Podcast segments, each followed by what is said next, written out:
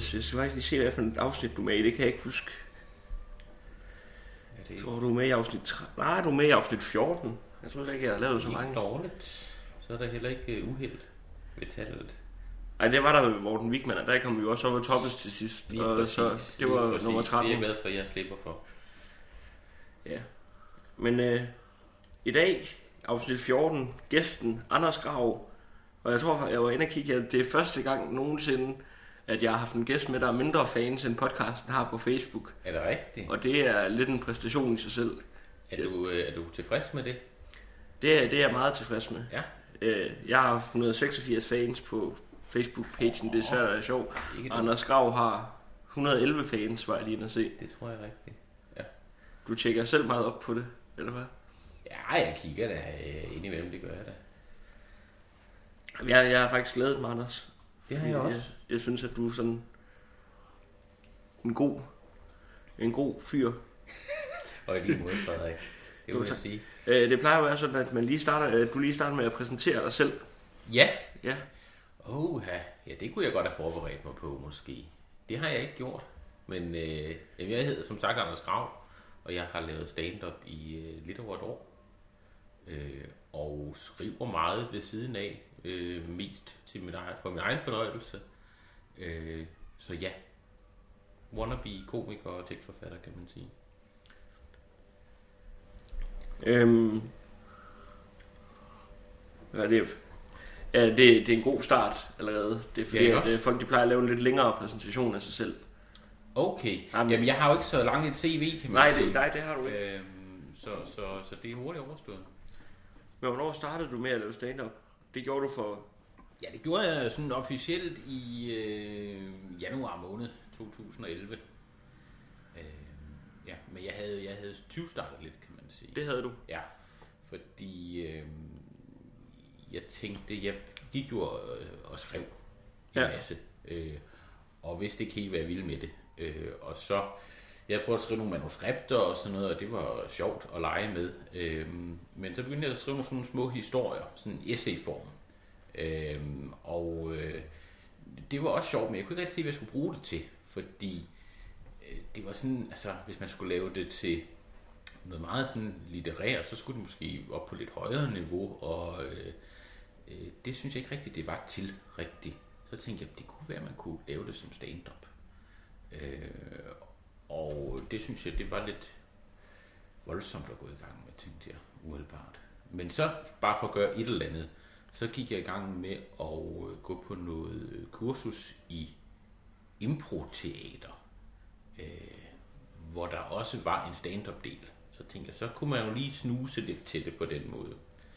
Øh, så og den var rundt, så begyndte vi som også, der gik på holdet, ligesom at ja, øh, kigge lidt på, hvad man kunne tænke sig at lave, hvis man skulle lave stand-up, og 20 starte lidt, ligesom at optræde lidt for hinanden og sådan noget. Øh, så det var sådan en meget fin, glidende overgang til ligesom at, at Ja, du gik der sammen med vores to fælles venner, Tine Marie og Mads Holm. Var det ikke yes. som man, hvis man, ja, man skulle, hvis man har set dem, så er det fordi, man er, man er rundt på open mic scener i København. Ja,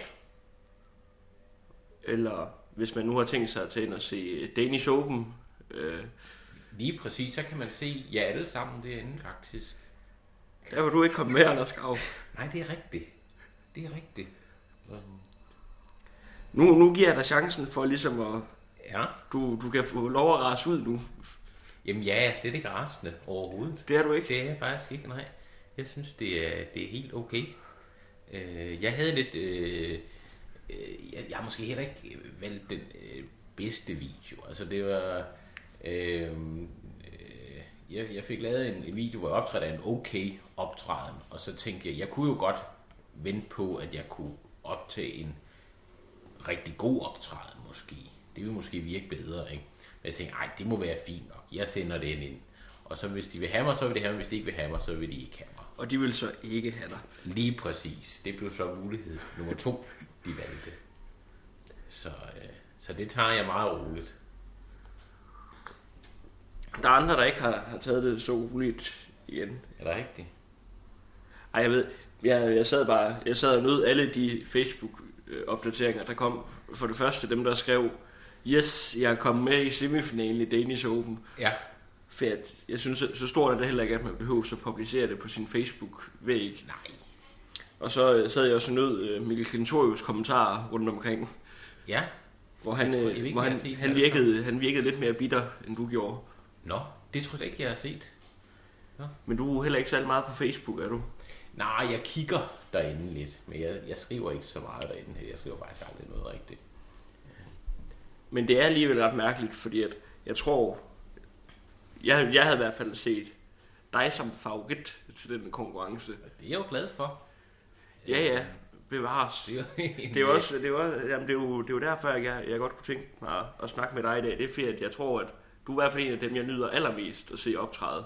Det er jeg glad for. Og jeg, jeg, jeg tror ikke, at jeg er den eneste, der har det på den måde. Nej, okay. Jamen, øh, ja. Ja, det var bare, det var bare lidt, øh, lidt rus. Jamen tak. Lidt, det, tak der kom lidt ud af det blå. Det er sjældent, jeg gør det med dig. Så kom det. Ja, så kom det. Ja. Øhm, men måske skal vi, lige, vi skal måske lige prøve at præcisere lidt mere, hvad det er for noget stand du laver, for det ligner jo ikke så meget andet, kan man sige. Øh, nej, det gør det måske ikke, og det er måske lidt svært for mig nogle gange selv at se. Jeg tror lige, jeg lukker døren. Jeg, jeg, Det synes jeg, du skal gøre. Åh, vaskemaskinen her. Du er i gang med at vaske. Er det kulørt? Det er, det er en uh, skjorte. Okay. Jeg skal, vi skal ud og optræde i aften, så Det er det må rigtigt. godt se lidt snappy Det ud. godt se ordentligt ud. Ja. Det er rigtigt. Nej, men man kan sige, når man selv er i det, så er det måske svært at analysere på, hvordan det er forskelligt. Ja.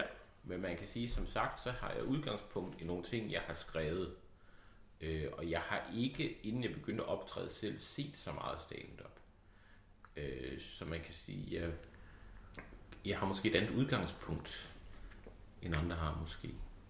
Ja, hvorimod de fleste, der begynder at lave stand-up, for eksempel, ja, vi kan tage mig for eksempel, jeg har jo set en helvedes masse stand-up, og så har man gået og ladt op sådan i flere år, Ja, tror jeg, og så lige pludselig så får man lyst til at tænke, nu skal jeg prøve det. Ja. Og så har man, så tror jeg egentlig, man har en klar fornemmelse af, hvad det er, man gerne vil lave allerede den første gang, men det ændrer sig så igen og igen og igen. Men altså, jeg tror, jeg, jeg ved, jeg var der jo heller ikke, dengang du startede, kan man sige. Jeg startede jo kun for et, jeg startede for fem måneder siden. ja, ja, ja.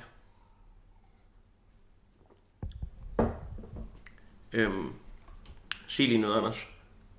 Jamen, og, og øh, du startede for fem måneder siden, og det, øh, det er jo også gået godt jo.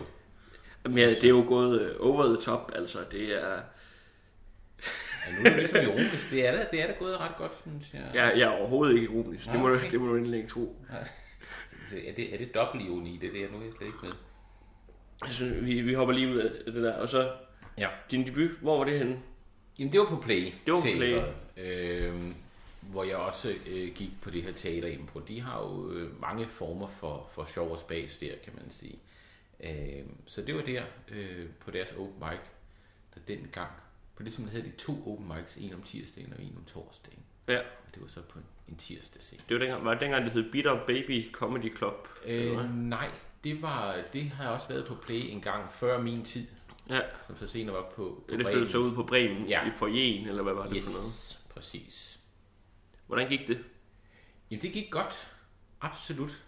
Øh, og, og jeg var så heldig, at, øh, at øh, Thomas Warberg, som også har været gæst her, så vidt jeg ved, Det har han, ja. øh, så det og var vært på Comedy Zoo den uge og spurgte, om jeg ville komme forbi og lave lidt dagen efter.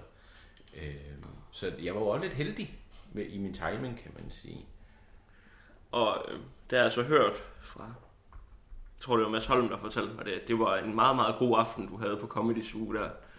Ja, ja, altså nu, det, nu, det, er, jo, øh, det er jo alt Jamen, du skal ikke have svært ved at rose. Du har så svært ved at rose dig selv tit, synes jeg. Nej, det. Ja. Jamen, altså, jeg, vil sige, jeg, kan ikke, jeg kan ikke huske det så godt, fordi det er jo også det er jo lang siden, og det, der, der, der skete så meget lige der, og, øhm, men, men jeg, jeg husker det som en, en god oplevelse, absolut.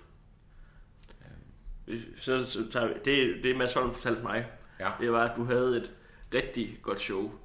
Og øh, så kommer Thomas Warberg op, og så siger han, og det var anden gang, han gjorde det her, og så skulle salen derinde være gået fuldstændig amok. okay, ja, der var jeg jo ikke, der var jeg gået af scenen jo. Sad nede bagved.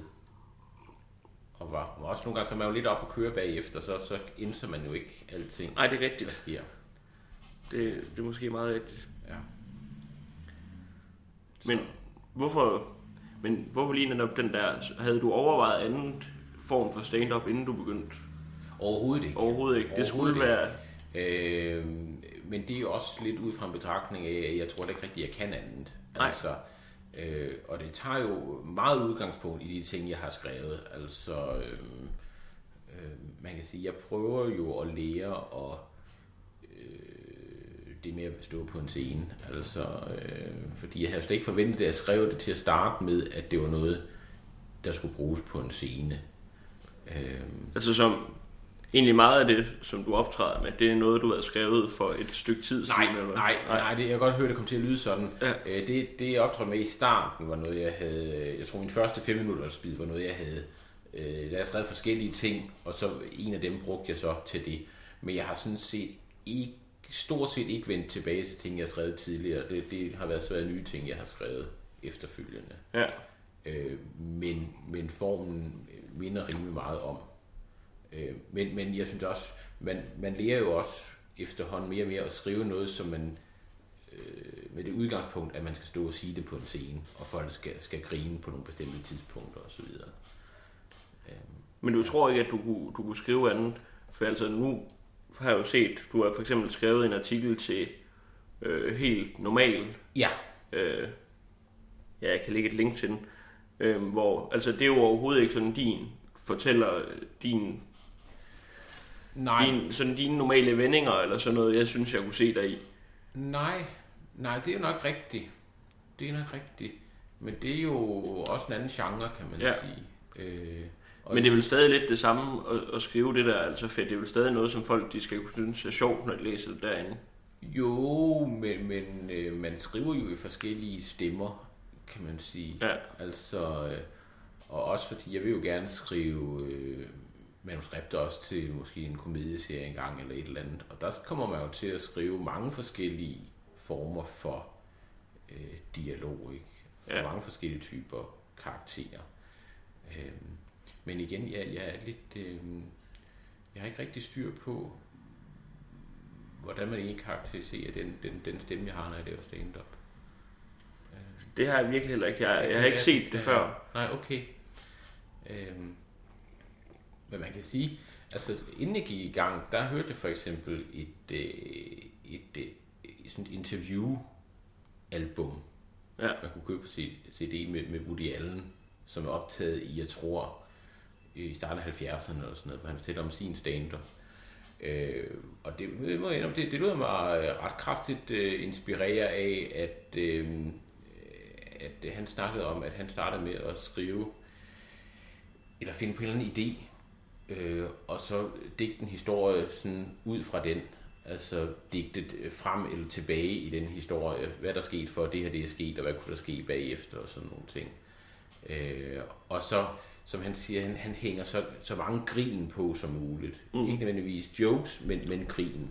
Og det, det er også det, jeg ligesom prøver at, at gøre. Altså, at øh, jeg prøver ligesom at, at, jeg får en idé, og så udvikler sig en historie ud fra det. Og så skal man så sørge for, at der ikke går for længe mellem grinene, kan man sige. Ja, hvis vi skal udspecificere, udspecificere det sådan helt, det kan jeg ikke sige. Øh, men så havde du, har du for eksempel en lang joke om, at du er bange for at blive voldtaget, når du kører bus. Ja, eller man kan sige, det er jo lidt en, en historie om at blive voldtaget af en buschauffør, øh, hvor udgangspunktet... Jamen, du ender vel ikke med at blive voldtaget? Nej, nej, fordi man kan sige, at, at øh, det, der rent faktuelt sker, er jo egentlig bare, at jeg sidder i en bus og overvejer, hvad nu hvis det her skete. Ja, Øhm, så vil du ikke være stærk nok til at overmande ham. nej, lige præcis. Og hvad gør man så? Øhm, ja, lige præcis. Jeg tror, det, jeg tror, der er nogle pauser, der skal klippes ud sådan imellem. Tror du det? Det tror jeg. Ja, Det er fedt, du stopper sådan meget bræt. gør jeg det? Ja, det, det gør du. Ja. Øhm, hvad var det, hvad var det, jeg ville sige? Jo. Øhm, men når du laver den her form for stand-up, hvor tit prøver du så, at det ikke virker? Når det er noget andet end sådan mere klassisk? Ja, jamen altså man kan sige, det er jo meget noget, jeg er ved at lære og finde ud af, øh, hvor, hvor, hvor, hvornår det fungerer, hvornår det ikke fungerer. Øh, og jeg tror, det når, når det ikke fungerer, det er, når jeg bliver bange for, at det ikke fungerer. Ja, Øh, og man står et sted, hvor man tænker, det her, det, det, det gider de her mennesker ikke høre om. Det har de slet ikke tålmodighed til, og så videre. Og så begynder man sådan at, at vakle lidt, og det er, jo, øh, det er jo det værste, man kan gøre, har indtryk af. Øh, fordi så er der jo, hvis man ikke selv tror på det, så er der jo ikke nogen andre, der gør det, altså. Øh, så, øh, så ja, så det, synes- det synes jeg øh, også begynder at gå meget bedre. Altså, der går længere og længere imellem, at, at, at der opstår sådan en situation. Og hvis folk ikke kan lide det, jamen så prøver jeg at give dem et øh, okay show alligevel, og så sidder, kan jeg alligevel se nogle gange, der sidder nogen, der godt kan lide at høre det, men det kan godt være, at der ikke kommer de store øh, latterbrøl fra salen. Ja. Altså. men vi... Det var egentlig ikke meningen, at jeg ville snakke om det, men vi kan da nævne en historie, vi har haft, øh, eller en aften, vi har haft sammen på Café Bagus, som er Ja, et ja, øh, det var- lille, lille værtshus, der Ja. ligger ude ved Brønders, er det Brøndshøj Torv? Ja, det Ja. tror jeg, det, er min, øh, det var i december måned. Det tror jeg. Af december. Det var mit sidste sådan decideret øh, dårlige show, synes jeg. Og øh, jeg stod og snakkede med dig lige inden. Nok ikke og det sidste nogensinde, men øh, det kunne være. Indtil nu. Det, det kunne være. Hvor jeg stod og snakkede med dig lige inden og sagde, Anders, ja. jeg tror virkelig ikke, det her publikum kan lide dig. Sagde du det? Det var, Ja, for det var en hård, øh, en hård øh, pep-talk, kan man sige. Jo, men så, så siger du, øh, jamen jeg har været her før, og sidste gang, der var der mange, der godt kunne lide det. Ja, men det er rigtigt. Det er rigtigt. Men jeg tror, øh, jeg ved det ikke. Men du, du, det, det var sådan et meget mærkeligt show, for du havde en af de der historier, du fortæller. Ja. Øhm, og der var, de grinede sådan imellem, men det var som, de ikke rigtig forstod, hvornår de skulle grine. Det var hver gang, du sagde tis i din historie, Ja, så grinede det er rigtigt. Øh, ja. Jeg, jeg, nu kan jeg ikke huske aften i detaljer, men jeg, jeg kan godt huske, at det var ikke, det var ikke super godt. Øh, nej. Men det, det er, altså hvis man skulle tage et klientel, der måske ikke er dit, så er det folk, der sidder ude på Café Bagus ved Brøndshøj Torv Jo, og man kan sige, og rigtig fulde. Lige præcis, for man kan sige, hvis man er rigtig, rigtig fuld, så er man måske, fordi det jeg jo gerne vil, det er ligesom, at, at folk kan, kan se de ting for deres indre blik, som jeg kan se for mit indre blik, Ja. de her historier.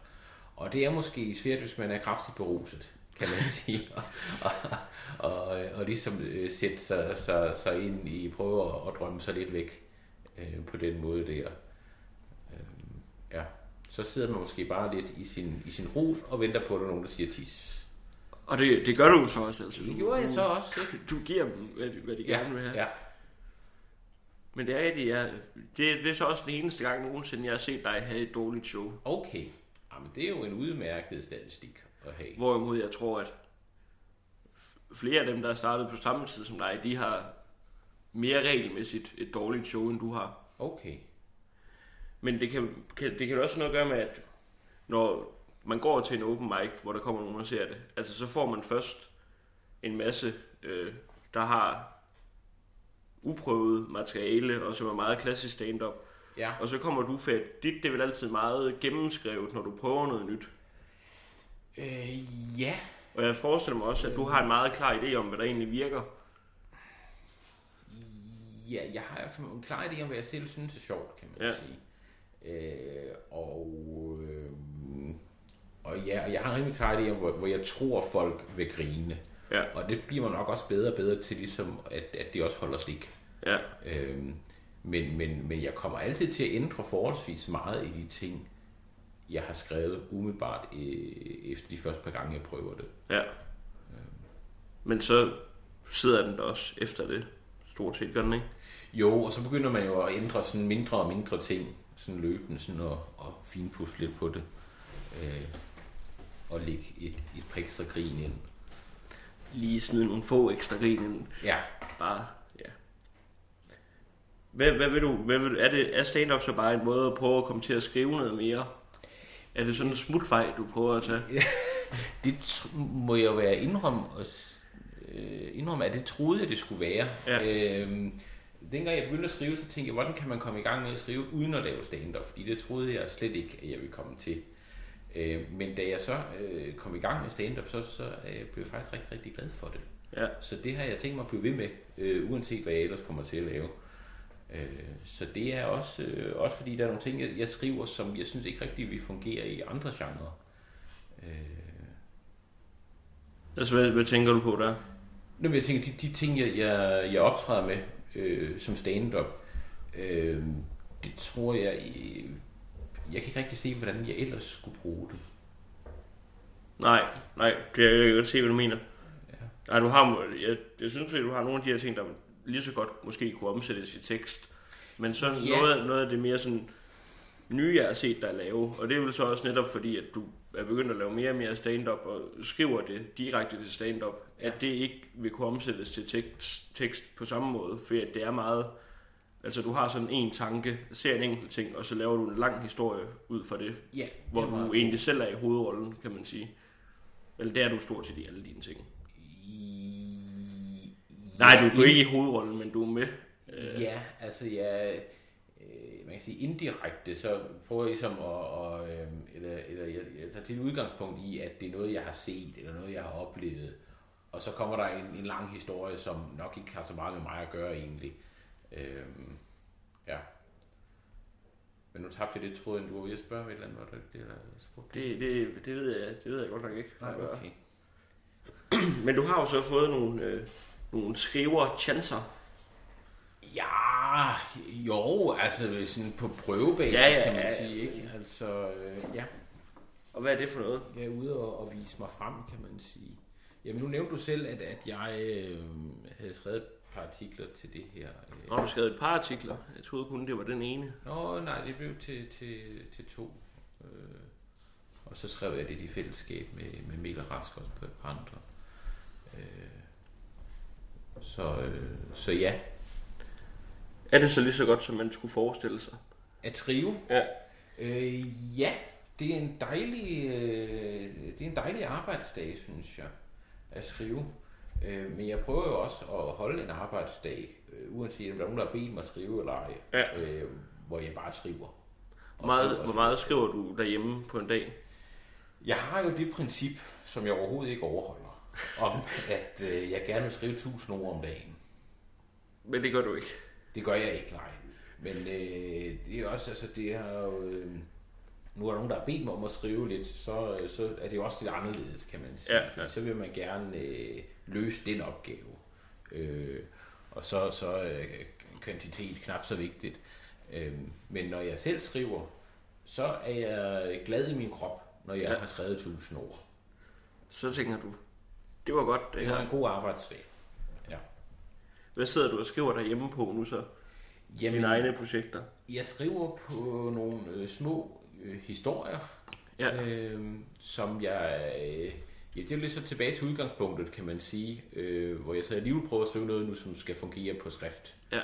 Øh, og det... Øh, ja, jeg ved ikke helt, hvor det kan ende henne. Man kan sige, hvis man, hvis man kan skrive nok af sådan nogen, så kan det være, at man kan udgive dem en gang, eller et eller andet, Ja. i en lille samlet samling. Øh, og, øh, og udover det, så prøver jeg altid at skrive manuskripter, øh, og få idéer til øh, små tv-serier og sådan nogle ting. Hvor mange manuskrifter tror du, du har skrevet? Øh, altså, jeg har sådan i min tidlige naivitet skrevet to afsnit af min egen sitcom. Hvad skulle den sitcom handle om? Og ah, det, det, det ved jeg ikke, om, om jeg tør løfte sløret for meget for. Vil, vil du stadig gerne lave den, eller hvad? Måske en gang. Jeg ved det ikke. Altså, det man kan sige, den... Faktisk, så den, der er ikke rigtig nogen særlig genial idé bag den. Det må jeg være ærlig at sige. Men den har ligesom... Altså, der er en masse forskellige mennesker med i sådan en. Ja. En masse forskellige karakterer. Så man kan sige, det har været sjovt at prøve at lege med det der med at, at finde på forskellige karakterer og gå og tænke over, hvordan vi de gøre i den situation, og hvordan der var ledes, og prøve at skrive i forskellige stemmer øh, og sådan nogle ting. Og ligesom finde ud af, jamen kan, kan man sætte de her stemmer sammen, eller bliver det for fjollet, eller vil det rent faktisk fungere? Øh, så det har været en rigtig god øvelse, men jeg tror nok ikke, det var mere end det. Nej. Øhm, så nu, nu prøver jeg at, at begynde på nogle ting, som måske øh, er knap så ambitiøse og lidt mere realistiske. Ja. Øhm, Hvad er det? Er det sketches, eller... Jamen, det kunne også være en tv-serie, men det kunne så være sådan en tv-serie sådan efter engelsk model, hvor man laver seks afsnit, og så er Ja. det det, for eksempel. Øhm, og øhm, ja, hvor, hvor den anden jeg skrev, det var sådan noget, det skulle ligesom bare være en, en platform for sådan lidt mere generel sitcom-agtige ting. Ikke? Sådan lidt over i Ricky Gervais og Steve Merchant. Øh, Ja, de altså, fleste af deres nej, extras, den, hvad har, den engelske The Office har 12 afsnit, har den ikke? ja, den har så, fy- Og så to to special. dobbeltafsnit. Ja. Øh, og det er jo to gange seks afsnit, The Office. Og det er Ja. ja. samme med extras. Og så har de ny en, der hedder Life Too Short, som, som jeg har set, det er fremragende i øvrigt. Det burde alle se. Ja, handler om en uh, lille dværg. jeg har, ikke været, jeg har ikke været så pjattet med den, vil jeg sige. Det, jeg Det har du ikke, når du har, du har set den. Ja. Eller hvad? Hvor mange afsnit har du set den? Åh, oh, jeg tror, jeg har set den seks stykker eller sådan noget. Nå, men så har du, så har du set alle afsnit. Er der ikke 10? Nej, der er kun syv. Nå, okay. Ja, jamen, så tror jeg måske, jeg har set næsten det hele. Bare lige selv. Ja, det, en showbiz dværg, så synes jeg allerede, det er sjovt der. Ja, ja, ja. Og en meget, meget ond og selvcentreret showbiz dværg. Jeg tror, Ja. ikke, jeg tror ikke, dværge de er normalt de mest selvcentrerede mennesker. Nej, det, jeg kender ingen dvæve overhovedet, faktisk. Jeg hørt, Det går lige pludselig op for mig nu. Jeg har hørt, der engang var en, øh, en øh, dværg, der lavede stand-up, der Okay. øh, klædte sig ud, her i Danmark, der så klædte sig ud som en øh, smølf på scenen. Nå, nå, okay. Ja, nu skal jeg nok med at grine, for han er død nu. Nå, nu bliver jeg helt trist, synes jeg. Ja, men det var der, jeg fandt ud af, at man skal ikke, man skal ikke dø for ung, hvis man er inden for komikerkredse, fordi at, da jeg fik historien om den her showbiz dværg, så sidder Nikolaj Stockholm øh, over ved siden af, og begynder at lave den ene joke på den anden, som er hyldende morsom, som altid, når det er Nikolaj. Ja. Men jeg tænker, man, man tænker måske, at folk de vil sørge lidt, eller sige, ja, det var da ærgerligt med, med Frederik. Men nej, det var bare joke på joke på joke om, hvor stor var kisten, og Okay, så det er du lidt bange for, hvis nu at... jeg dør i, Ja. i for eksempel hvis jeg for eksempel dør ud til play i aften ved at sidde fast i metroen, eller Lad os ikke håbe det. Lad os virkelig ikke. Lad os virkelig. Det vil også være en meget, meget sørgelig måde at dø på. Det synes jeg. og også en, en, nogle virkelig dårlige sikkerhedsforanstaltninger omkring den metro, vil jeg sige. Jeg tror også, det, det er ret svært at dø ved at sidde klemt sammen mellem deres døre. Så skulle det være fedt, de er rigtig, rigtig dårlige til at få en ud, Ja. og metroen så kommer kørende en nu- ekstra gang. Ja, og du har også nogle meget, meget bløde ribben, tror jeg, hvis du kan klemme livet ud af dig. Jeg, jeg tænkte mere, at øh, så vil man sidde fast, og så vil metroen bagefter komme kørende og ramme med en. Øh, mens Ja, man sidder så er du også uheldig. Så er du uheldig. Ja. Ja, men nu, nu kom det, det kommer også lidt for langt ud. Lad os håbe, at jeg ikke dør på vej ud. Det Jeg håber, jeg, håber heller ikke, at øh, du dør på vej ud Tak. Frederik. Lad os, ja, det, det, det må være konklusionen på den snak. Ja, At vi håber, ingen af os dør. det, det, håber jeg, det håber jeg virkelig ikke. Nej. Det er dumt. øhm, hvor lang tid er det? Gået 31 minutter? Ej, det tegner rigtig dårligt, det her. det gør det. det. Du er ikke så god til pingpong, Anders Grav. Er jeg ikke det? Nej, Du er til gengæld i gang med noget... Du Ja, jeg er i gang med noget din, clearen med herovre. dine Det to kopper derovre. Ja, jeg flytter den her. Ja. Sådan der. Ja. Nej, men hvad, øh, har, du, har du tænkt noget specielt, vi skulle snakke om ellers? Eller øh, jeg synes, du har været fint omkring de klassiske ting, og, øh, eller hvad skal man sige? Det ting, Det, jeg havde tænkt, vi, vi nok kom til at snakke om. jamen, det er det, jeg, jeg havde måske regnet med, det, det kunne tage lidt længere tid, men øh, Ja, Det- det, det er godt. Altså, jeg, jeg prøver altid at svare øh, kort og præcist, ikke? Og det øh, kan jeg finde ud af nu, det er en dårlig strategi. det er i hvert fald en dårlig strategi, hvis man... Ja. Øh, Øhm, ja, det er bare, altså så kunne jeg lave et, øh, en form for dansenummer eller sådan noget. Jamen, Men det er bare- får- det er bare svært, lytterne bare det- glæde af. Jeg, vil, jeg vil til gengæld... Øh, Ja, ja, ja, det kan vi tage bagefter. Jeg har jo set dig danse øh, før, og det er Åh, oh, en fornøjelse. Ah, danse og danse. Øh, Ej, men det har været sådan nogle små... ja, små, moves, der- små steps, ikke? der er Når lige- jeg, øh, Når du lige har været færdig med at optræde eller et eller andet, Ja, og så ja, man lige ja. siger, det gik da godt, Anders, så Ja. siger du, øh, jeg ja. kan godt lige lave Og der, der lavede jeg et lille move, og det kan man så... lille sejrsdans, ja. Ja, det er rigtigt. Men du starter forholdsvis sent med at lave stand-up. Det kunne, det kunne Det måske... kunne, ja, ja. Hvordan- Spændende vinkel. Hvordan er det? Og Jamen- overhovedet ikke klichévinkel øh, heller. Nej, det synes jeg ikke. Øh, jamen, det, det er- bliver jeg faktisk gladere og gladere for. Det gør må du. jeg sige, ja. Fordi man kan sige, jeg gik jo lidt rundt øh, og arbejdede, øh, før jeg kom i gang, og tænkte, øh, jeg spilder min tid, simpelthen. Altså, jeg vil jo gerne skrive, og jeg aner ikke, hvordan jeg skal komme i gang med det. Øh, og nu går jeg bare her og går, og... Øh, er småt deprimeret. Ja, Nej, det, det var det var jeg dog ikke. Altså, men men, men øh, så, så det, det var jeg sådan set øh, alligevel øh, i perioder lidt træt af. Ja. Øh, men, men jeg finder sådan set ud af, at, at øh, det er egentlig meget rart, at man har, har oplevet lidt først. Øh, også, også fordi, at man, man får jo øh, rigtig mange gode råd, når man starter. Ja. Øh, og det er rigtig dejligt. Men man er også nogle gange nødt til at sortere lidt i den, kan man sige. Eller i hvert fald finde ud af, hvordan man, man bruger de her Ja. råd. Og det er, er nemmere, når man selv øh, har gået og tænkt en masse over, hvad man egentlig øh, gerne vil. Og tænkt en masse ting over de ting, man laver og så videre. Øh, ja.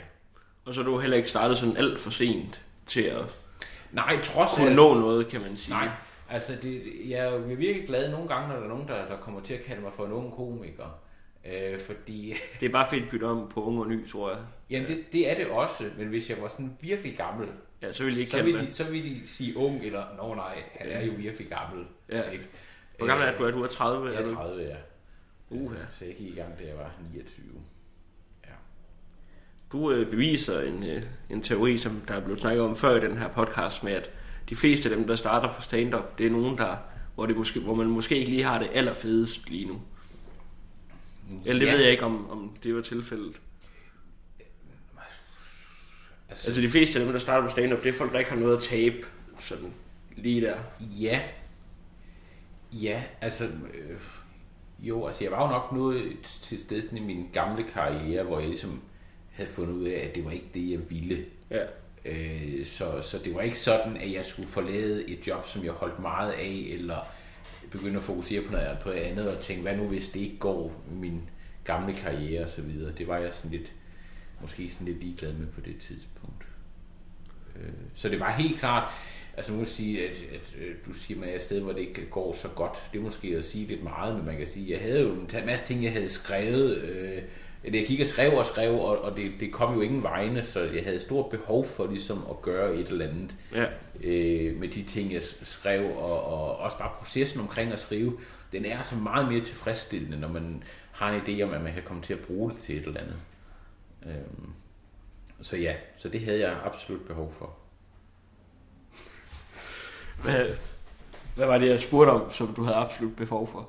Det er Det virkelig var det. at optræde, ikke? Altså, Nå, øh, ja, det er det. Så ja, så man kan sige, at, at jeg havde det måske ikke dårligt, men jeg havde et, et uopfyldt behov, kan man sige. Ja. Ja. Hvordan er det ellers at være komiker, der er 30 år? Det er, det er dejligt. Altså, øh, Kan din øh, krop følge med? jeg synes, det går fint. Altså, jeg løbetræner også lidt. Jamen, vi havde jo også snakket om, at du er blevet lidt tyk over julen. Øh, Ja, det har vi, det har vi snakket øh, mange der meget om, faktisk. Og, jeg tror, det var, det var en udveksling på sådan to minutter, hvor vi lige, hvor jeg lige sagde, Anders, Ja, hov, hov. Anders, du trak mig lidt til side og sagde, Vi du godt vi er gøre lidt ud af dig selv. Vi er nogle stykker, der har snakket om. Ja, Øh, du er lækker. ja. Ja. Øhm, Ej, jeg synes, vi skal heller ikke have mig til at fremstå på den. Jeg tror ikke, jeg ser ulækker. Jeg tror, jeg ser usoneret. Det synes jeg... usøjneret. Ja. Altså, jeg vil hellere være tyk, end jeg vil være en, der ikke går i bad øh, og vasker sit hår. Tro mig, det er lidt det samme. Nej, øh, ja, jamen det, det går fint, og man kan sige, altså, så stor aldersforskel er der. Altså, jeg ved ikke, hvor gammel er det nu, du er? Jamen, jeg er jo kun, jeg er jo kun 20. Der er faktisk 10 år. Du er, oh, ja, det kan jeg godt se. Og Men- Alex Lander, du også snakker meget med, er 22. Er Ja, ikke? ja, det ved jeg godt. Men, men, øh, men der er jo mange, der er sådan i midten af 20'erne. Ja, det er rigtigt, det Men de har så også været i gang nogle år, ikke? Altså, øh, Men det er det, men det er jo der med, at det, det er jo egentlig hele bare sammenkoblet, for så sidder man sådan en gruppe, hvor hvis man sidder i 10, så vil man nogle gange næsten kunne lave sådan 21, 22, 23, 24, 25, 26, Ja, hele vejen op. præcis, lige præcis. Og, og jeg synes ikke, også fordi jeg, jeg tror, det, det, det fællesskab, man har omkring, om at man godt kan lide stand-up og synes, det er sjovt at optræde, det tror jeg er, er stærkere, end hvad man så i fjernsyn, da man var barn. Ikke? Ja. Øhm, Også meget fedt, men måske det meste af tiden, det går med at snakke om stand-up. Eller Ja. noget, og der er man jo ligesom på samme jamen lige præcis. Lige præcis. Hvorimod vi begyndte at snakke om andelsboliglån og, Ja. og efterløn, og så vil du nok kunne sætte mig lidt af. Øh, ja, det kan godt være. Det kan godt være. Men jeg synes, at sådan nogle ting er ret interessante. Så der er det jo, og det kan man sige, det er jo også en dejlig ting ved at Ja. komme ind for stand-up. Det er, at folk de holder op med at snakke om fastforrentet lån og så videre. Altså, det er virkelig dejligt at slippe ud af. Det snakkede øh, I meget om på det kulturmiljø, du, du var på før. Nej, nej, altså det var der nogen, der snakkede om, og jeg sad og lyttede.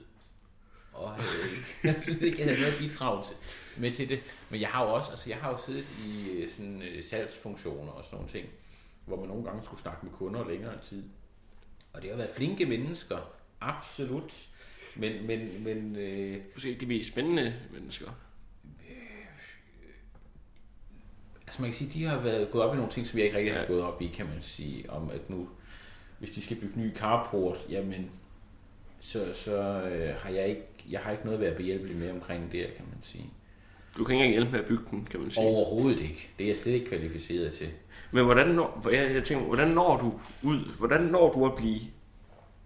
Hvad for en vej tager du, hvor du tænker, jeg skal være sælger? Jamen, jamen det, det, det, det er virkelig sådan det ene, der tager det andet lidt. For, fordi øh, Det er måske en klassisk med, du tænker, jeg skal lige have et job lige sådan et år, eller sådan noget. Og så, det var lidt mere sådan, at, at jeg ville jo gerne skrive. ja, Jeg var i starten af 20'erne, og vi gerne skrive, men jeg anede ikke, hvordan man gjorde. så du tænkte, mails til kunder, måske, det, det kunne være det. Ja, nej, det, det tænkte jeg faktisk ikke. Jeg tænkte, jeg må gøre øh, bare et eller andet. Jeg kan ikke lave ingenting, jo altså. Så øh, jeg tog en år i HH, Ja, og det synes jeg faktisk er spændende. Altså jeg synes, øh, sådan noget samfundsøkonomi og økonomi generelt og sådan noget er, er ret interessant. Øh, så, og, og sådan øh, erhvervslivet, det blev jeg blev, blev lidt fascineret af. Så jamen, det kunne jeg jo prøve det her. Så fandt jeg så en læreplads, da jeg var færdig i et handelsfirma. Og det gik godt, og det var øh, sådan okay spændende, og øh, jeg fik sådan mange sådan forskellige opgaver, og så øh, endte med, at komme kom til at sidde med noget ansvar for, for en, en, et produktområde, øh, som jeg så sad og administrerede lidt. Øh, og simpelthen så solgte man øh, den del af virksomheden fra til et nyt firma, som så vil ansætte mig for ligesom at, at starte den her øh, øh, nye butik op. Øh, altså, eller sådan, det er en ny handelsfirma op. Og øh, så gjorde jeg det. Og, øh, men så da jeg var færdig med det, så kunne jeg godt se, det er okay, det er ikke det, er ikke det jeg vil. Altså nu har jeg fået en masse skulderklap og så videre, og det er jo rigtig sjovt og rart, men, men, øh, men det er jo dybest set ikke det, jeg vil. nej. Øh, og så tænkte jeg, hvad, hvad, pludselig var jeg så havnet i Horsens, ville jeg oprindeligt fra Odense, øh, og, så tænkte, og så boede jeg i Horsens, hvor jeg ikke kendte nogen overhovedet. Øh, så tænkte jeg, hvad gør jeg så? Øh, så, så flyttede jeg så til København og arbejdede det i nogle, i nogle handelsfirmaer, sådan på lidt lavere niveau, end jeg ellers havde. Øh, og øh, ja, og så nåede jeg, så begyndte jeg at skrive mere koncentreret, Ja. mens jeg øh, havde en karriere, som jeg ikke gik så meget op i. Øh, og øh, uden at være... Øh, og så begyndte jeg at tænke på, at jeg kunne måske sende nogle steder hen og så videre. Og så, men så begyndte det der stand-up ligesom. Øh, Prøvede du at sende det nogle steder hen inden da, eller startede du med stand-up? Jeg, jeg prøvede en enkelt gang at sende et af mine manuskripter til den her gamle øh, tv-serie, som vi jo har snakket lidt om. Ja. Øh, det bedste afsnit af de to. Var det, var det dig selv i hovedrollen i øvrigt? Øh, ikke nødvendigvis. Ikke nødvendigvis, men det var en karakter, der mindede lidt om mig, kan man godt sige. Som har skrevet lidt til, at Anders Grav han godt kunne spille hovedrollen. Anders Grav kommer ind. Øh, nej, nej, det har jeg aldrig, øh, det har jeg aldrig udtrykt direkte i hvert fald. Øh, men det var en karakter, der mindede lidt om mig selv. Kan Og karakteren hed Grav D.O. Double G. Ja, nej, det, nej, det hed han heller ikke. Det hed han heller ikke. Øh, men jeg sendte det til Danmarks Radio, jeg havde engang sådan noget, de kaldte for øh, talentholdet eller sådan noget. Der har jeg også øh, sendt en ansøgning ind Okay. en gang. Men det var så tilbage i 2009, at jeg sendte til dem. Og det, Ja. var, øh, øh, og det, det øh, ja, og- det, det kommer jeg så ikke ind på, altså. Øh, Du kommer heller ikke videre til nogle af de der sådan indledende... nej, nej, nej, slet ikke. Og jeg så senere hørt, at de har, at de har lavet noget, som var specielt til satire. Og det er jo lidt mere... Øh, Nej, nej, det er rigtigt. Det hedder også øh, satirehold nu, Ja. tror jeg. Ja, det har de Det var det, jeg søgte ind på i hvert fald. Okay.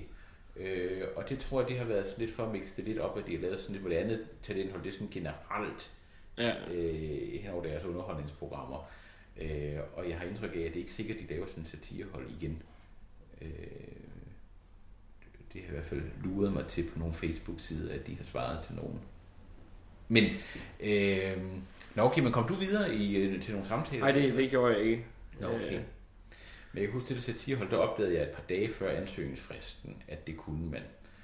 Øh, og så tænkte jeg, okay, det er måske ikke godt det samme. Også fordi, jeg har en rimelig klar idé om, øh, hvad jeg gerne vil. Og jeg har indtryk af, de her øh, satire og talenthold er lidt noget, hvor man gerne vil ind og forme nogle mennesker lidt. Ja. Og jeg vil jo gerne have en masse input på de ting, jeg laver. Men, men ja, som person er jeg nok lidt, som jeg er. Og, og som min stil er jo nok lidt, som den er på nogle måder. Men det er jo lidt det samme, at jeg, eller jeg opdagede det ikke et par dage før. Det er jo fordi, at jeg havde været inde og lave en radio-dummy hos dem. Nå. Og den fik jeg så nej på. Og så tænkte jeg, så skal jeg søge ind på satireholdet i stedet for. Og der Ja. havde jeg også kun sådan 4-5 dage. Så det blev egentlig bare en omskrivning af det program, jeg havde været inde og lavet en dummy på, som blev, blev sendt derind. Okay.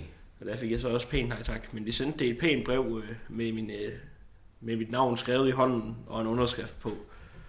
Nå. Det, det ved jeg ikke, om øh, de gjorde dengang du søgte den også. Vil det sige, at, at resten af brevet stod i maskinskrift, eller hvad? Ja, de havde ikke, de havde ikke skrevet det hele i hånden. Det, Okay. det havde de ikke.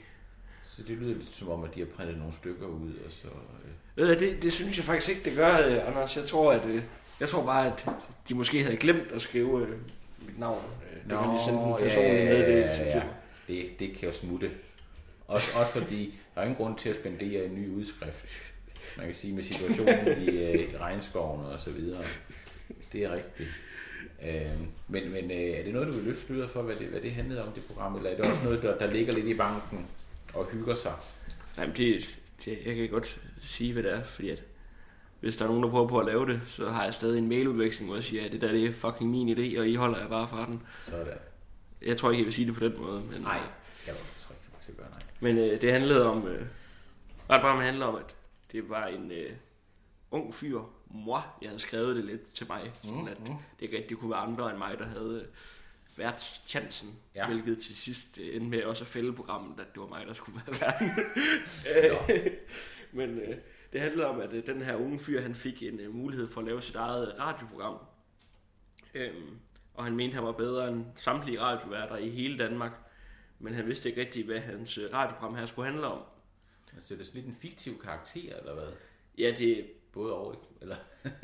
jo, jo, altså det, det, altså for eksempel hvis du har set uh, Live Too Short, så vil det være mig, øh, jeg vil jeg vil være mig selv på samme måde som Ricky Gervais af sig selv, Okay. spiller sig selv, men Ja. bare sådan i en overdrevet, irriterende, arrogant øh, personlighed. Ja. Øhm, hvor han så ikke vidste, hvad det her radioprogram, han skulle lave, ville handle om. Ja. Øhm, så derfor så inviterede, inviterer han øh, tidligere succesfulde, eller nuværende succesfulde radioværter ind, til at prøve at hjælpe med, hvad programmet det skal gå ud på. Okay. Altså så kunne man forestille sig, for eksempel, ja, det kunne være ja, en fra tæskeholdet, der kommer ind, og så sidder og hjælpe, prøver at hjælpe med, hvad det skal handle om. Men problemet er så, at ham her, verden, han øh, har så meget tro på sig selv, at øh, han selvfølgelig synes, at de fleste af de inputs, han får, det er ikke godt nok. Og Nej. skulle sidde og komme sådan med sådan, hvad hedder det, underspillede sviner hele tiden. Øh, Okay. Altså virkelig bare være forfærdelig. Altså så alle var selvfølgelig inde på ideen med, at det skulle være, men så Ja. bare spille videre på den tangent. Okay. Det fik jeg lavet en dummy på. Øh, hvad har den? Jeg har den liggende på CD Nå. øh, med, og jeg har også fået musikken med, der blev spillet inde i programmet på CD. Øh, jeg tror, der blev spillet, øh, jeg tror det første nummer, det var Chris Brown Forever, hvis du hørte det. Øh, Jeg tror ikke, du det har jeg sikkert, Nej. men øh, jeg ved ikke lige. Og så noget Nick Jay mod solnedgangen bagefter, og så hørte vi også noget LOC. Og, Nå, nå, nå. Ja, ja. Så det var sådan noget med, at du satte musik på? Ja, ja, altså, jeg skulle sidde og styre det hele inde Okay. i studiet. Spændende. Jamen, Hvor det lang tid var sådan et program? Altså, det varede jo en time, men så var 40 procent af det, det var nok musik. Nå, ja, det var meget.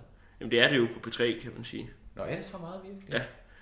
Jeg tror faktisk, at han sagde, at normalt i for eksempel i Godmorgen på 3 og sådan noget, der hedder den øh, 50-50 eller næsten 60-40 til musikken. Okay. Så altså det er, det er jo næsten Nova nu. Okay. Men der er, nu ved jeg ikke, om du lytter til Radio 24 Jo, Det nyder jeg meget, for det gør eksempel. jeg også. Øhm, der prøvede jeg så også at sende det der programforslag ind, Ja. hvor jeg fik fat i selveste Mads Brygger. Nå. Ja, jeg har en smail liggende lige herinde, øh, Ja. hvor han så mente, at det var lidt for meta til en nystartet radiokanal. Ja, Ja, de søgte ja, nye ja. programmer øh, dengang, at øh, de åbnede den. Ja. Hvad med dig? De ting, du, vil du helst øh, være i baggrunden som skriveren, eller kunne du også godt tænke dig at være frontfigur? Øh, jeg har det lidt sådan, at det jeg ved, jeg vil, det er at skrive. Ja, Og så kunne jeg godt tænke mig at prøve nogle andre ting også. ja. Øh, og se, om, om det måske kunne være. Ikke? Altså, jeg har sådan med sådan en tv-serie, eksempel, jeg oprindeligt skrev, hvor, der, hvor karakteren mindede meget om mig. Ikke? Der Hvad, havde, hvad hed øh, hovedpersonen? Øh, han hed øh, Danny, tror jeg. Øh, Du ligner ikke en Danny. Det, Nej, jeg det ligner overhovedet ikke Danny. Jeg ved heller ikke, hvor det kom fra. Det var bare det var en idé, og så kunne jeg ikke slippe den igen. Øh, og øh, der havde jeg lidt sådan, at jeg tænkte, jeg tænkte tanken, at hvis det nogensinde kom så vidt, så tænkte jeg, så kunne jeg godt tænke mig at komme til audition til rollen. Ikke? men, men, men hvis, øh, hvis øh, jeg ville have nogen til at vurdere, om det var det bedste valg, Ja. og hvis det ikke var det, så skulle det ikke være. Ej, okay, men altså, du er ikke sådan en, der, der tænker, jeg vil kun være i baggrunden og sidde og skrive det her. Ikke nødvendigvis. Nej. Ikke nødvendigvis. Øhm, Har du, har du spillet skuespil før, eller hvad? Ikke andet end øh, på det her, altså selvfølgelig i skolen og sådan noget har man jo lidt, men, men øh, øh, jeg har sikkert været regndråb en gang eller sådan noget. Øh, Jeg spillede jo for eksempel Charlie i Oliver Twist øh, Nå. på vores øh, folkeskole. hold da, og det var en stor, stor produktion. Ja, det, det, det Ja, var det. det- Det, det tog en hel uge. Det var, øh, det var skolefestuge, og så skulle jeg være med til at lave øh, musical. Okay, det må jeg nok sige. Det må jeg nok En masse replikker. Ja, ja. Men, øh, hvad var det? Hvad, du havde spillet et eller andet? Øh, jeg tror bare lige, jeg det vil... impro-teater, det Ja, ja, har jeg ja. selvfølgelig lavet, ja. ja. Men, øh, men ja, jeg kommer selvfølgelig lige til at tænke på, nu siger du det der, øh, øh, det der dummy der, Ja. ja. havde. Øh, noget, der kunne være rigtig, noget du næsten skulle se, det var øh, en engelsk øh, serie, der engang var, der hed øh, Knowing Me, Knowing You. Øh, Den har jeg ikke set, Alan. Partridge. Det er sådan en karakter, som, som har gæster inden, og som er rigtig forfærdelig over for dem og sådan noget. Den er rigtig sjov. Det er ikke helt det samme, men det, jeg kom bare til Så at var, på så var min idé alligevel lige taget for næsen. mig. Nej, man kan sige, dit koncept er jo, at man skal have andre værter ind for ja. at lære at blive en god vært og så videre. Det er ikke hans vinkel. Øh, Men der er det hele også fiktivt. Det er ikke rigtige gæster herinde. Det er sådan, øh, det er også karakterer. Jamen, det, jamen, den er også lidt i, hvad, hvad hedder den? Between Two... Øh, Two Ferns. ja, med Zach Galifianakis. Ja, ja, ja, hvor han også er forfærdelig over for den. Eller, man kan sige, Alan Partridge er ikke sådan, jo, han ender altid med at være forfærdelig over for sine gæster, men han, han prøver virkelig at være en, en god vært. Øh, så han prøver ligesom at holde facaden altid, men Nå, så ja. går det altid frygtelig galt for ham. Øh, den kan jeg anbefale. Der er rigtig, rigtig mange ting. Det er der faktisk. Det var det, vi skulle, det var det, jeg skulle spurgt om ved halvtimemærket måske, så, så havde vi... Jo, men jeg synes, vi kom godt efter det. Vi kom Mm. godt i gang igen, ikke også? Øh, Det synes jeg i den grad. Ja, jeg skal, jeg skal bare lige sådan lidt... Øh, lige Du skal lige trækkes til, op. Ikke? Ja, lige trækkes op, ja, det var det, jeg lige efter. Øh, for eksempel, øh, nu vil vi lave en podcast. Ja, nu er det ikke, fordi jeg skal have folk til at høre andre podcasts i stedet, men en, man også godt kunne høre, det er en, der hedder øh, Comedy Bang Bang. Øh, Hvem er verden der? det er en, der hedder Scott Aukerman, øh, som øh, er ligesom en del af sådan det her UCB-miljø i øh, Los Angeles. Og hvad er UCB? Det er Upright Citizens Brigade. Det er sådan et teater, hvor øh, der er sådan øh, noget impro halløj øh, og øh, der er også stand-up og sådan nogle ting. Mm. Og så har han øh, øh, nogle gæster inde, øh, både, og det er alle de kæmpe store komikere. Det er Zach Galifianakis og Sarah Silverman og alle de store, og også alle de store sådan inden for det her lidt øh, det her specielle miljø. Og så er der tit nogle komikere inde, som spiller karakterer samtidig. Mm. Øh, og så improviserer de øh, sådan en, øh, en teams program der, hvor de leger nogle impro-lege med hinanden og så videre. Det er rigtig sjovt. Ja, hvis vi andre podcasts, man skulle anbefale, så er jeg også lige, jeg har lige begyndt at høre øh, en øh, podcast, der hedder What the Fuck med Ja. Mark Maron. Den har jeg også hørt om du meget. Det synes jeg også er Ja. ja. rigtig godt. Man skal lige spole over, hvor øh, Mark Maron han sidder og taler om, hvad der er sket i hans øh, dagligdag. Den del Øh. holder jeg jo meget øh, af også. Det gør du? Ja. Okay. Nej, men det er fordi, jeg har hørt dem sådan lidt for skudt, så jeg Ja. har ikke rigtig fulgt med. Jeg ved ikke, har du hørt dem sådan, hørt du dem slavisk? Jeg hørte den slavisk i en, i en lang periode. Så kan jeg måske også forestille mig, at den der periode der før, den er bedre. For det er vel sådan meget, han fortæller sådan fra gang til gang, hvad der er sket i hans liv, og er det ikke? Ja, han fordyber sig i nogle meget små ting nogle gange om hans liv og hans øh, bekymringer om mange forskellige ting. Så man ligesom, man lærer ham jo lidt at, at kende, og så ja. Kan man godt holde ud og høre på det. Øhm, Men der hørte jeg for eksempel øh, dobbeltprogram med Louis C.K., mm, som jeg synes er helt fantastisk. mm.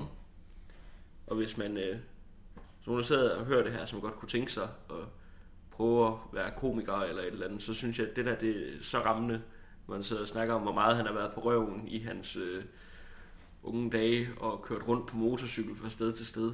Og der er nogle rigtig gode anekdoter der i også. Ja, helt sikkert. Og så kender Mark Maron også bare alle. Ja, og det er jo rigtig sjovt også at høre sådan øh, historien bag mange af de store, hvad, hvad de har, hvad de, hvordan de er kommet til at lave det, de har lavet, og hvor mange år, mange af dem virkelig har arbejdet for det. Ikke? Altså, Men det er jo det i USA med, at de bliver, altså, de bliver først kendte, når de er omkring de 40, hvor de begynder sådan at bryde rigtig igennem, altså få deres kæmpe shows og specials og sådan noget. Ja, jo, der er Jo, altså, der er det- yngre, ikke? ja, ja. Men, men, øh, ja, men jeg tror, det er Mark Maron, der siger, at det tager 10 år at blive en uh, overnight-succes. Ja. Øhm, det, øh, det er nok meget, i hvert fald rammende for ham i hvert fald. Han har jo for eksempel også øh, Nick, hedder Nick Fume, det den hedder, Mm. ja, inde i podcasten, som, hvor det jo egentlig er fuldstændig vanvittigt. Han, øh, Nick Fume er en amerikansk komiker, der har været i, han har været Letterman flere gange i hvert fald, og ja, forskellige talkshow flere gange i USA. ja, At han var nede og spille, eller ned, nej, nede og lave et show på et meget lille sted her i København, ja, det er rigtigt. hvor han er en stor komiker i USA, og kommer til lille Bispebjerg Comedy Corner, som Ja, men det er jo svært for os at vurdere, hvem der er store, og hvem der ikke er store af, dem, som Mark Maron har inde, kan man sige. Mm. Også fordi der er nok sikkert mange forskellige miljøer omkring stand-up i USA. Øh, og mange forskellige slags publikummer, tror jeg. Og så, hvis vi lige skal runde den af med Mark Maron, at igen det der med, at han kender dem så godt, så de har alle sammen sådan nogle fælles historier sammen. Der er blandt andet Louis C.K., der fortæller om, hvordan han øh, havde et American Express-kort, og så havde han kommet sig til at låse ud, låse ud af sin egen lejlighed, og så gik han ind og sov på en af de fineste hoteller i øh, USA, hvor han ikke havde nogen penge, og dagen efter så købte han en bil med hans American Express-kart også. Hold da op. Ja, ja, det kan jeg godt huske, ja. ja. Og så er der bare et eller andet ved Mark Maron, der gør, at, at de gæster, han har, de åbner sig op for ham. Og Ja. fortæller nogle meget personlige ting nogle gange. Øh, Det er også interessant. Er der et afsnit, du vil anbefale derfra, hvis folk de skulle høre det? Jeg, jeg vil sige afsnit nummer 200, hvor han øh, faktisk selv bliver interviewet af Mike Birbiglia. Ja. Ja. Det er sådan en god øh, introduktion til Mark Maron generelt, for man skal ligesom... Nu, nu øh, giver den gas derude min, øh, min Ja, det kan jeg vaskemaskine. høre, ja. Men det er en god introduktion til, til Mark Maron, fordi man skal ligesom kende ham lidt, for at holde, kunne holde ud og høre på ham faktisk. Ja, Øhm, den tror jeg da, jeg skal have hørt så. mm. Andre ting, som er anbefalesværdige, som ikke er podcast, der får folk til at flytte fra den her podcast efter det her afsnit. Ja, ja, det kan jeg godt se. Det kan jeg godt se. Øh, jamen, der er så mange gode ting. Øh, bum, bum, bum. Øh, nu nævnte jeg Alan Partridge tidligere. Han har jo lavet sådan, det er jo den engelske komiker Steve Coogan, som har lavet nogle, nogle rigtig gode ting.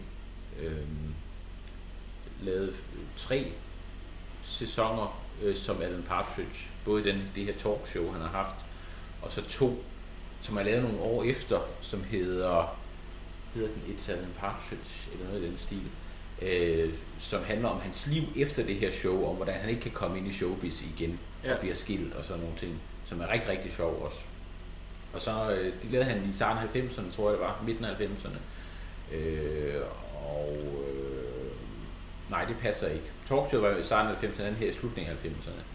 Øh, og så har han øh, sidste år eller forrige år lavet en, en, en, øh, en lille serie på seks afsnit, øh, sammen med en, der hedder Rob Brydon, øh, hvor de er på sådan, hvor de er ude at anmelde restauranter. Javel. Og, øh, og det, det, det er sådan lidt halvt... Øh, altså, der spiller de sådan også versioner af dem selv. Det er sådan noget mockumentary-agtigt ja, noget. hvor de, hvor, de, hvor de sidder og, og snakker sammen om alt muligt, og, og de konkurrerer på, hvem der er bedst til at lave øh, parodier på diverse skuespillere og så videre. Der er nogle fantastiske parodier på øh, Michael Caine og øh, Al Pacino og sådan noget, der er rigtig, rigtig, altså bare for det kan man se det, men der er også sådan en spændende stemning i, øh, som jeg synes er rigtig.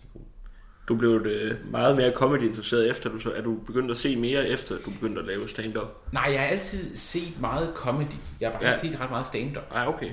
Øh, jeg har været meget interesseret i, øh, i, i sådan serier generelt. Sådan ja, ja, det udspringer jo selvfølgelig også bare, at du godt kan lide at, at skrive sådan noget. Ja, kan man lige sige. præcis. Ja.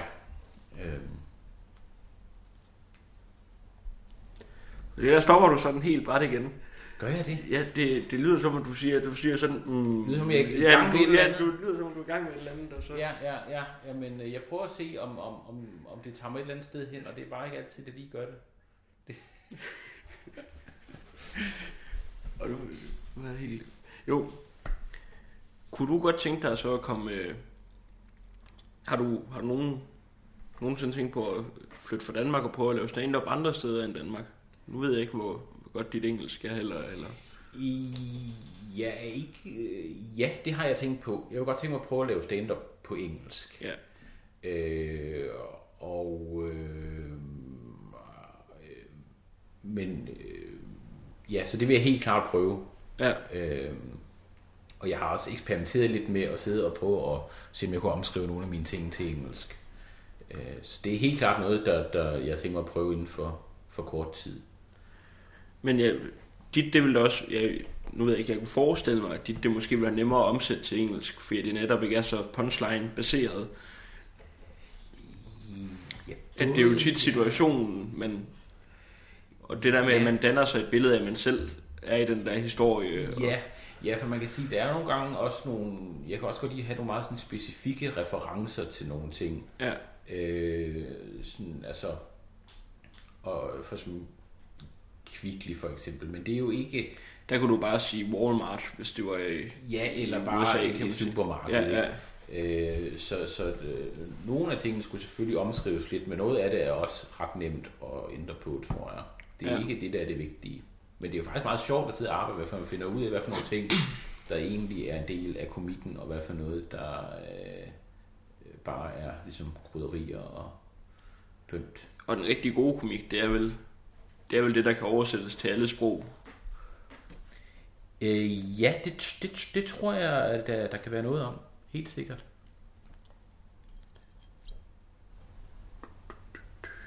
Øh, Jo, men jeg havde også den her snak med, med Thomas Warberg for eksempel jo, Ja.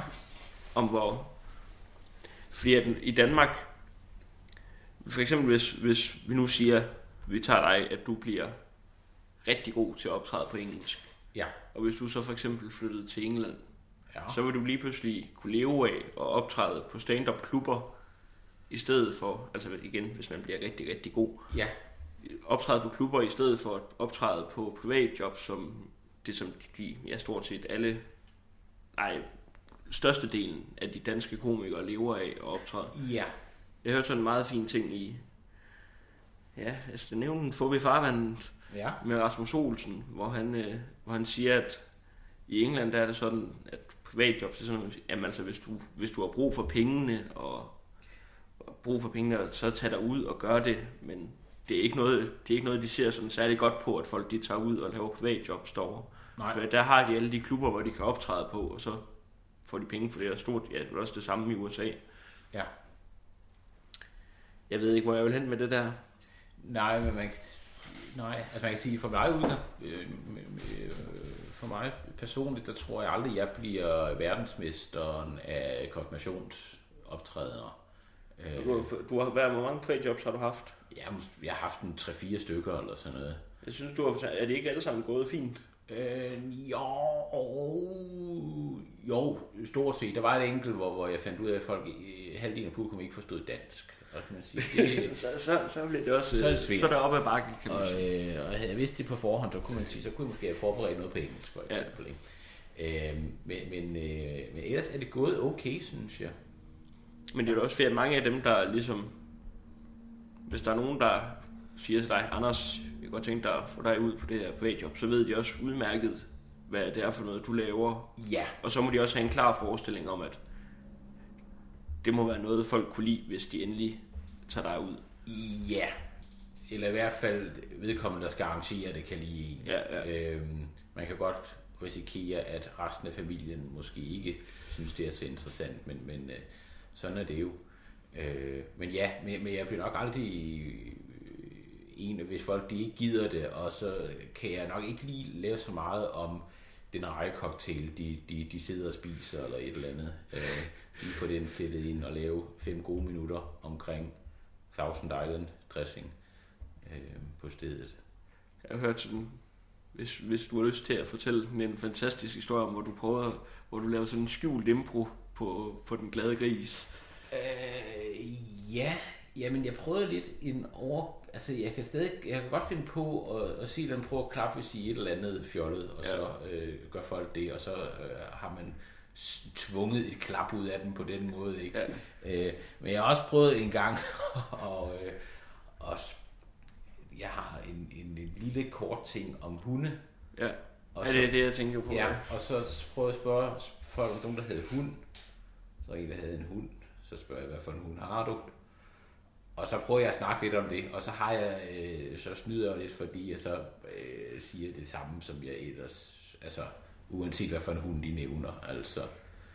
Nu er det jo meget godt, at denne joke ikke er hvad er det, specifikt rassebaseret. Ja, det er jo sådan noget, jeg, jeg øh, går ud i, at, at, øh, at, at ligesom, at det, jeg går nok sådan lidt meta og siger, at, at øh, ligesom opdager, at jeg egentlig ikke kan lave impro, og, og siger til folk, at jeg kan ikke lige lave noget om, om den hunderace. Øh, men jeg kan sige noget om hunde generelt, og så over i, ja. i den joke, jeg egentlig vil lave. Så det er lidt snyd og humbug, kan man sige. Men det er jo alligevel en meget fin måde at prøve det, for at du har spændt Jo, det der jo, sikkerhedsnet ud for dig selv. Og hvis du så finder på et eller andet, mens du står der, Ja, så... og det er jo også bare for at afprøve sig selv lidt, og, ja. Og se, hvad, hvad, hvad kan man, og, og man skal også... Altså, jeg vil være ked af, at der er noget, jeg lader være med at, at lave, fordi jeg ikke tør. Ja. Altså, så vil jeg gerne lige prøve det af og se, og så kan man sige, jamen det er Så bagefter sige, det var godt nok en rigtig dårlig idé, det her. Anders Ja, Rav." og så skal jeg måske prøve det igen alligevel, ikke? Ja. Men, men, øh, men det kan godt være, men man, jeg synes, man skal, man, skal, man skal prøve sig selv af, og så kan det godt være, at der er nogle ting, man siger, jamen det, det bliver ikke, det bliver ikke sådan en, jeg kan være. Så må man finde sig i det. Har du, tror du, men jeg tænker bare, din stil på scenen, den ligger så langt fra, at du skal ud og stå og lave impro. Ja, Er du, hvor meget er du i karakter, når du går på scenen? Jamen, det er et rigtig interessant og stort spørgsmål, som jeg ikke øh, helt har svaret på, tror jeg. Øh, fordi øh, jeg har en kammerat, der har set mig optræde, som ja. Har kendt mig mange år, og som siger, at det er stort set sådan, jeg er, Ja, siger han på, på mange måder. Øh, men som der er mange, der, der øh, jeg hørte en, en fin formulering, øh, at, øh, at man er sig selv 120 procent, ikke? Så Ja, man, ja. der er jo skruet lidt op for forskellige for, ting. for en eller anden del af ja, sig selv. men det er, ikke, det er ikke noget, jeg gør bevidst. Nej, Det er det ikke rigtigt. Øh, og, øh, men jeg står jo meget stille på scenen, og, men sådan er jeg jo også. Altså, jeg er jo ikke typen, der, der flagrer så meget rundt, når jeg kommer ind i et lokale og sådan noget. Jeg danser lidt. det, det, det, gør du. Altså. Men øh, udover det, så, så er jeg rimelig rolig, synes jeg. Men, men du, du får, du har også, du har også en fordel i kraft af, at du ligner jo virkelig en, der skal stå og fortælle de der historier. Ja, det gør jeg nok. Og der er en sjov ting, at du altid, du, du ankommer, alle de gange jeg har set dig, der ankommer du i en øh, skjorte med pullover. Ja. Og så når du skal optræde, så ryger pulloveren altså. Ja, det er rigtigt. Vi var sammen nede på en glad gris, hvor du skulle lige til at gå på scenen med en pullover på, og jeg siger, Ja. Anders, du plejer aldrig at gå på scenen med en pullover på. Så røg den af. Så siger du, det er også rigtigt, og Ja. så smider du den. Ja, og det er, ikke, det er ikke fordi, jeg ikke vil optræde med Twitter på. Jeg er bare nervøs for, at jeg kan risikere at få det for varmt. Når jeg står deroppe. Fordi, fordi øh, og, det, øh, og det kan faktisk være, at jeg en dag skal tage en rigtig stor sweater på. Ja. Og så gå op på scenen og mærke, hvor varmt er der egentlig. Og så finde ud af, hvis det er for varmt, jamen så må jeg tage sweater af, mens så jeg står der, der. men det står ja. Ja. Ja, det er, jeg har set nogle optagelser af Zach Galifianakis lige dengang han var begyndt, hvor det er sådan, når han kommer op på scenen, så har han masser af tøj på. Okay. Jakke, og jeg ved ikke hvad. Og så står han, bliver, han bliver ved med at tage, tage mere og mere af det der øh, tøj af. Altså han kommer op med jakke og halsterklæde og begynder at stå og optræde. Ja, ja. Og står han fortæller, står og fortæller de der sådan meget øh, sjove, små, nørklede one-liners, det meste af det. Og så ryger det lige så stille og roligt hele vejen igennem. Ja. Jeg lægger et- et link til det også. Det Det, det skal man se, det er helt fantastisk. Ja. Nå, er der, øh, er der mere, vi skal snakke om, Anders? Uh, ja. Jeg tror, det har været den mest... Øh... Ej, det, det, det, har, det har ikke været den podcast med mest stillhed i endnu. Det var, har det ikke. Det var med, det var med Morten Sørensen, hvor han øh, i en periode på 20 minutter bestemte sig for, at han udelukkende ville svare ja eller nej på Åh, alle ja. mine spørgsmål. Ja. Øhm, ja. Jeg ved ikke, vi må analysere lidt på det bagefter, hvad det er, der har gjort, at øh, vi er gået lidt stå et par gange. Jeg tror, det var lidt mere en lille smule stod vi. Der har været nogle gode pauser en gang imellem. Men ved, du, det, det, er smart, vil jeg at, sige. det er smart, at, ja, kunstpause måske. Ja, Ja, det smarte er, at jeg kan gå ind, og så kan jeg rette de der små kunstpauser. Det kan du, så det bliver virkelig snappy. Ja, altså, Bang, bang, bang. Ham Anders, hold kæft, han snakker. Det bliver ja. faktisk en podcast på en halv time, fordi alle, podca- alle de små pauser, alt mig bliver hævet ud. Det skal være dig, der... Jeg synes, jeg har ikke oplevet det som, at der, var- det var lange pauser. Jeg synes bare, der har været nogle afbræk, hvor vi lige har kigget på hinanden, Og så, og du har tænkt, som, som, øh, som styrer af det her interview, har du tænkt, hvor, hvor, hvor skal jeg hen nu? Og så synes jeg, du, var, at du hurtigt har fundet på noget at sætte mig i gang med. ja, Øhm, ja. Du har altså... Hvor, hvor kan man se dig hen øh, i fremtiden, øh, Anders? Ja, altså, øh, jeg optræder på de københavnske open mics. Du optræder ikke, øh, ikke så meget i forhold til, hvor meget du egentlig kan komme på, tror jeg. Øh, nej, det, det, er, det er muligt. Altså, jeg forsøger at optræde et par gange om ugen. Ja. Øh, og det kan jeg, jeg kan godt lide at optræde to-tre gange om ugen. Og det synes jeg, det går det okay med at komme øh, til det. Det er bare at jeg har lige så mange spots som dig, og så ser dig. Det, Nå, okay. Det, det må det være. det Men øh, har du nogle øh, spots legnet op? Yes, jeg er på... Øh, I aften er vi på Play. Det Ja, men folk det, det ikke- når ikke... øh, Det kan ikke, jeg er på Susammen øh, på tirsdag. Hvad dato har vi der? Prøv at, vi, øh, vi kan da lige lave en, øh, en lille teaser for, øh, for Play i aften. Hvis du lige kommer herover, så kan vi lige tage et billede og sige, at vi laver podcast. Og, Okay. nej. så er du klar, Anders? Er det, er det billedet, du tager? Ja, det er det. Ja. Du må godt lige... Kan du lave et lille move? Sådan, hvor jeg Sådan der. en gang. Ja. Okay, Det er faktisk jeg, rigtig godt. Jeg, jeg, jeg, Det blev rigtig, jeg, rigtig jeg er godt. ikke rigtig med på, med på billedet. Men, Nå, øh, det lagde jeg ikke mærke til. Nej. Nu må jeg være ærlig og sige. Øh, Jeg tror ikke, det der men, billede, men det ellers, kommer så, jeg har jo lavet en, øh, nu snakker du nævnte til, at jeg har en, en Facebook-side, og det er jo planen, Oh, det er at, at, at, hvis der sker et eller andet voldsomt øh, gasudslip øh, i, øh, i steder i landet, eller sådan så skriver jeg det derinde. så skriver du, nu er der gasudslip. Ja, gå ind døre, luk vinduerne og tænd for radioen. Øh, ej, hvis, jeg skal lave et eller andet eller sådan noget, sådan et langt har projekt, du gang i med, at du vil sige det her alle steder, du kommer hen, sådan at du en dag kan skrive, uden at der er gasudslip. Så kan du skrive ind. Nej, det kunne jeg aldrig finde på. Det er faktisk også ulovligt, tror jeg. øh, og, øh, og gøre folk bange på den måde. Øh, så, men, men det er meningen, altså, så kan man også gå ind der og se under min beskrivelse, hvornår jeg optræder og så videre, når jeg lige får det opdateret. Og sådan noget. Det jo ikke opdateret selv, det var lige inde og se. Der står øh, den glade gris øh, 1. Ja, ej, marts. det er også, det er også, det er også pinligt. Det, det, det bliver bedre. Men det, der kan man gå ind på facebook.com skråstrej leverpostej og øh, følge mig derinde. Hvorfor ikke Anders Grav? Fordi den var taget. Var der nogen, der havde taget Anders Grav? Altså ikke, øh, det er ikke noget med mig at gøre, men, men øh, jeg forsøgte på forskellige måder, også med punktum imellem, og så videre. Det hjalp ingenting.